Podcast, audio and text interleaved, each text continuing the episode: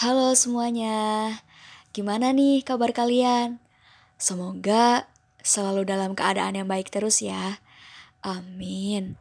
Salam juga buat keluarga di rumah. Pokoknya terus jaga diri dan jaga sesama ya. Um, oh ya, aku sama Rohma mau bilang makasih. Makasih banyak banget karena teman-teman udah dengerin podcast ini. Makasih atas segala respon positif, dukungan, dan juga doa-doa baik yang selama ini mengalir. Semoga segala kebaikannya bisa kembali lagi ya ke teman-teman. Amin. Dan aku mau ngasih tahu info nih buat teman-teman yang pengen nyampein sesuatu lewat episode dari Untuknya Tekeres, bisa banget loh join sama kita. Jadi, hmm, bisa dua cara nih. Cara yang pertama, teman-teman bisa menyampaikannya secara langsung. Jadi nanti bakal kita atur deh jadwalnya buat teman-teman record uh, bareng kita. Jadi nanti bakal suara teman-teman nih yang akan terdengar langsung di episode podcast TKRS gitu. Atau kalau misalnya teman-teman belum cukup berani untuk menyampaikannya secara langsung, teman-teman bisa kirimin via surat jadi nanti apa pun deh yang jadi keresahannya teman-teman, apa pun yang selama ini ngeganjel di hati pengen banget disampaikan tapi belum cukup berani, teman-teman bisa tuliskan dulu dalam bentuk surat. Nanti suratnya dikirimkan via email ke Tekres. Atau kalau misalnya masih bingung, boleh deh tanya-tanya dulu di IG kita di @tekres.id via DM aja. Gitu. Jadi nanti uh, bukan suara teman-teman yang akan terdengar langsung, tapi suara dari aku ataupun Rohma yang akan membacakan uh, cerita yang udah dituliskan teman-teman. Gitu. Jadi diwakilin deh sama aku atau Rohma. Dan contohnya kayak teman kita yang satu ini nih. Jadi, Tech Arrest udah nerima surat dari salah satu teman kita di mana dia bakal menceritakan tentang uh, perasaan dia selama ini yang dia jaga dengan hebat uh, tentang perasaan kesendirian ataupun kesepian gitu. Sedikit spoilernya ya. Jadi nanti bakal langsung aku bacain suratnya. Uh, udahlah nggak usah lama-lama ya. Langsung aja kita dengerin ini nih cerita dari teman kita.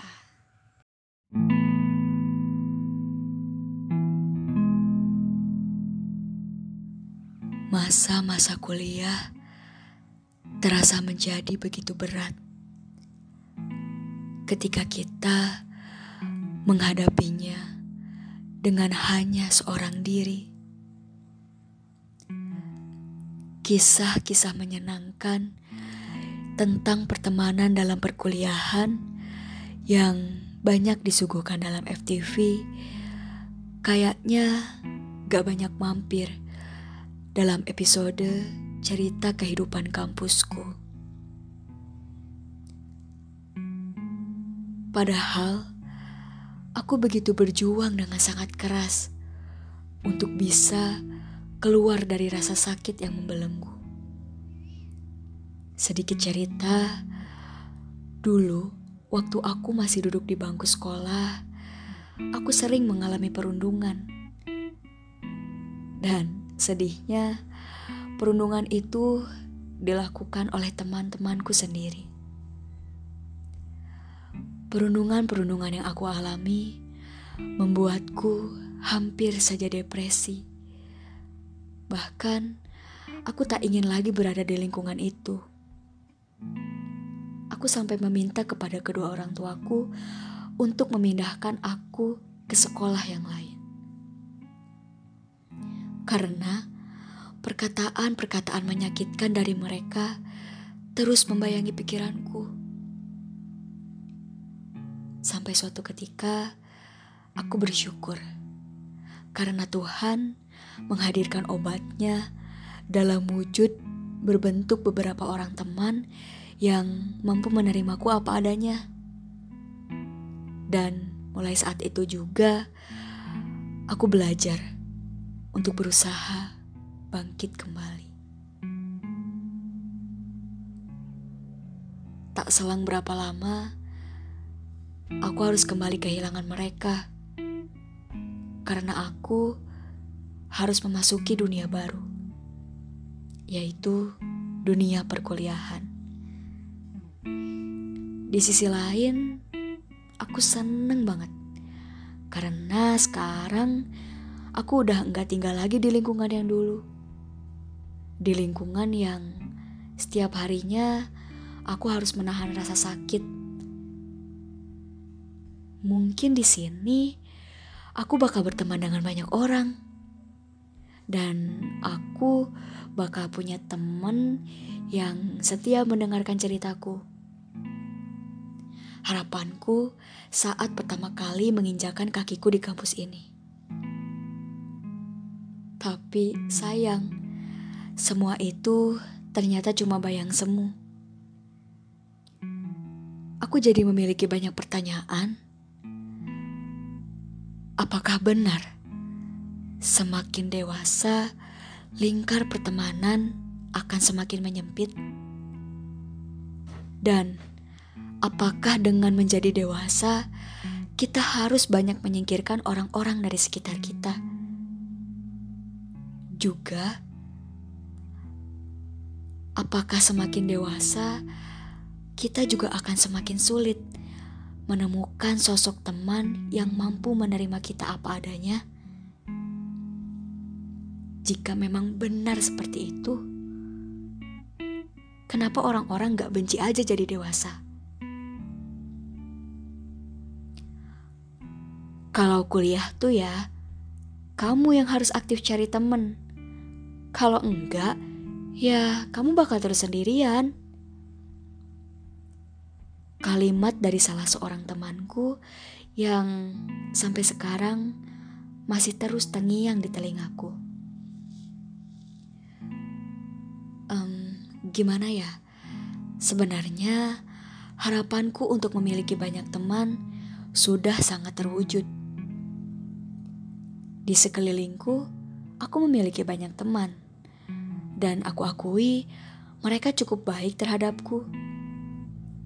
Tapi bukan itu yang aku maksud. Bukan sekadar teman, karena menurutku dewasa ini bukan kuantitaslah yang penting, tapi kualitas pertemanan yang aku butuhkan saat ini karena aku masih tetap merasakan kesendirian itu. Pernah gak sih kamu ngerasain sepi di tengah keramaian? Dan ya itulah yang aku rasakan selama empat tahun ini. Jangankan teman yang setia mendengarkan cerita, teman untuk menikmati makan di jam istirahat pun, aku nggak punya. Hingga perasaan bersalah dan tak pantas untuk ditemani terus tumbuh dalam diriku. Kayak apa aku emang punya banyak salah ya? Sampai-sampai mereka nggak ada yang mau jadi teman setiaku?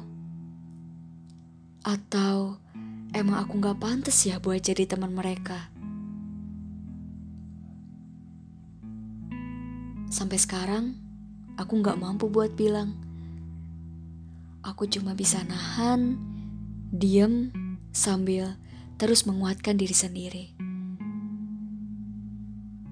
Tapi sesekali, boleh kan si kesepian juga berhak menginginkan untuk ditemani.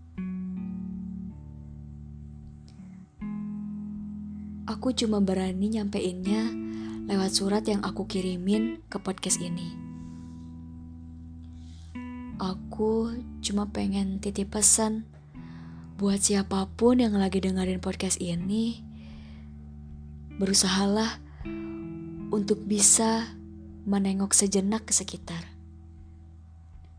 Karena terkadang seseorang yang terlihat selalu menyendiri gak selamanya nyaman sama keadaannya. Bahkan mungkin sebenarnya menyendiri itu bukan pilihannya.